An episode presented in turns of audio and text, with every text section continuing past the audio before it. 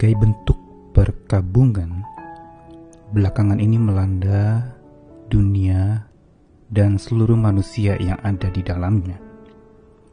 Perkabungan karena sakit penyakit, perkabungan karena pandemi, perkabungan karena bencana alam, perkabungan karena berbagai macam musibah yang melanda, menyisakan duka dan saat dirundung kabung, sering kali setiap orang yang melaluinya mengalami masa limbung. Bingung tidak tahu harus berbuat apa.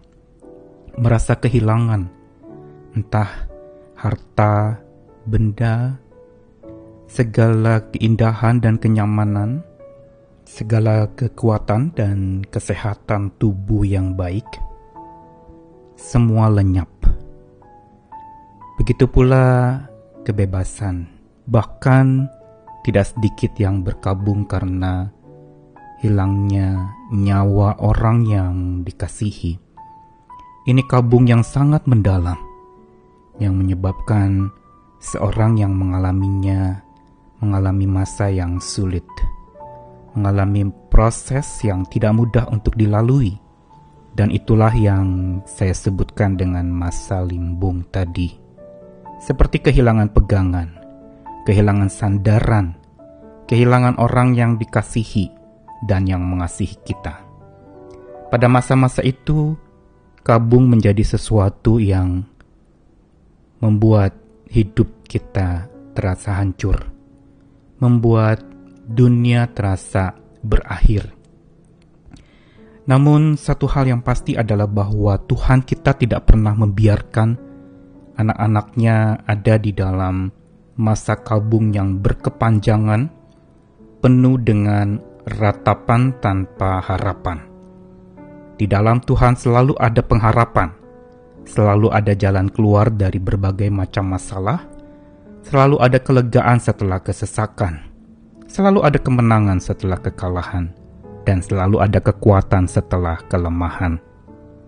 Saya Nikolas Kurniawan menemani di dalam Sabda Tuhan yang akan menyapa kita lagi hari ini dari Mazmur pasal yang ke-30 ayat yang ke-12 sampai yang ke-13. Aku yang meratap telah kau ubah menjadi orang yang menari-nari. Kain kabungku telah kau buka, pinggangku kau ikat dengan sukacita, supaya jiwaku menyanyikan mazmur bagimu dan jangan berdiam diri. Tuhan Allahku, untuk selama-lamanya aku mau menyanyikan syukur bagimu. Mazmur 30 ayat 12 sampai 13 adalah bagian akhir dari rangkaian tulisan Daud yang berbicara tentang ucapan syukur Daud setelah dia melewati pengalaman-pengalaman yang tidak mudah ia selamat dari bahaya dan berbagai macam musibah yang melanda, begitu pula perkabungan demi perkabungan yang mendera hidupnya. Daud pernah berkabung ketika anaknya sakit lalu kemudian mati. Dia juga pernah berkabung ketika anaknya kemudian memberontak kepadanya, dan masih banyak lagi perkabungan-perkabungan yang dialaminya. Dan di penghujung Mazmur 30 ini, Daud menyatakan sebuah pengakuan iman tentang karya Tuhan yang dikerjakan untuknya. Tuhan telah mengubah ratapannya menjadi pengharapan. Tuhan telah mengubah kabung duka yang dialaminya menjadi kidung sukacita yang terus mengalir dari hidup Daud. Ini merupakan sebuah kesaksian sekaligus kebenaran yang memberitahu kepada setiap kita bahwa perkabungan tidak pernah akan selamanya, tetapi itu akan digantikan oleh Tuhan. Masa-masa perkabungan yang menyisakan duka mendalam dan membuat hidup terasa limbung itu, Tuhan akan ganti dengan kidung sukacita penuh pengharapan itu.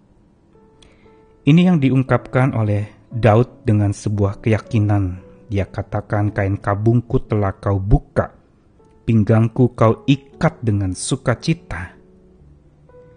Masa peralihan dari masa kabung duka menjadi masa kidung penuh sukacita memang bukan proses seperti membalikkan telapak tangan atau begitu singkat.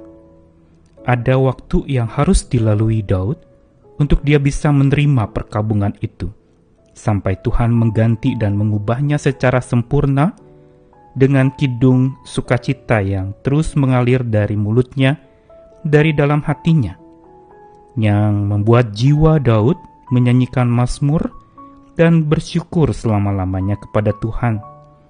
Dan satu hal yang dicatatkan dalam ayat yang ke-13, segala apa yang dialaminya tidak membuat dia berdiam diri. Dia justru melakukan sebuah kebiasaan pada masa perkabungan itu untuk tetap bersyukur, untuk tetap tulus dan ikhlas menerima apa yang dialaminya. Dan ini yang membuat dia kuat juga adalah ia terselalu terhubung kepada Tuhan. Hatinya selalu connect kepada Tuhannya. Hatinya selalu mendekat dan nyambung dengan hati Tuhan. Dan ini yang menyebabkan masa-masa limbung dalam hidupnya itu diganti dengan semangat hidup yang kembali melambung. Proses setiap orang mengalami masa kabung memang berbeda-beda. Ketika masa mulai didiagnosis sakit dan harus mengalami masa istirahat, itu adalah masa kabung yang tidak mudah dalam masa sakit penyakit yang mendera. Begitu juga setelah kehilangan orang yang dikasihi, ada masa panjang untuk seseorang menerima kehilangan itu apalagi orang yang dikasih itu adalah orang yang begitu dekat dengan kita, atau orang yang selalu bersama dengan kita. Harus ada perubahan, babak baru di mana tidak ada lagi orang itu bersama-sama dengan kita. Masa ini adalah masa pembelajaran yang sebenarnya Tuhan sedang ajarkan.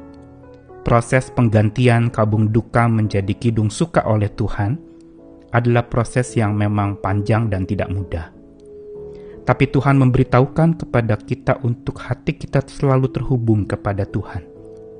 Karena inilah rahasia untuk kita tidak pernah merasa sendiri. Kita tidak pernah merasa ditinggalkan. Tuhan selalu menemani. Kita tidak pernah merasa kesepian. Tuhan selalu mendampingi. Kita tidak pernah merasa duka yang berkepanjangan lagi. Karena sukacita dari Tuhan itu abadi dan senantiasa memenuhi hati setiap kita. Kalau Daud berhasil mengungkapkan akan sebuah pengakuan imannya bahwa kidung sukacita menanti di depannya setelah kabung duka cita yang dia alami, maka setiap kita pun dapat mengalaminya bila kita selalu terhubung kepada Tuhan kita. Karenanya di dalam masa-masa kehilangan ini, Ingatlah bahwa Tuhan sedang menjumpai dan selalu menemuimu. Dan bukan saja menemui, tetapi juga menemani. Tak habis-habisnya rahmatnya selalu baru tiap pagi, menjumpai dan menyapa kita, agar kita sadar bahwa Tuhan ikut menangis bersama dengan kita. Tuhan ikut berduka bersama dengan kita. Tuhan juga ikut mengalami rasa sakitnya, penyakit yang sedang kita tanggung. Mari hari ini, apa pun yang menjadi pengalamanmu, setiap kita bisa saja berkabung. Tapi Tuhan selalu ingin mengganti kain kabung duka kita menjadi pujian kidung sukacita bagi kemuliaan nama Tuhan. Tetaplah terhubung kepadanya, bersandar kepadanya, dan hidup di dalamnya. Tuhan mengasihi dan menyertai kita senantiasa. Amin.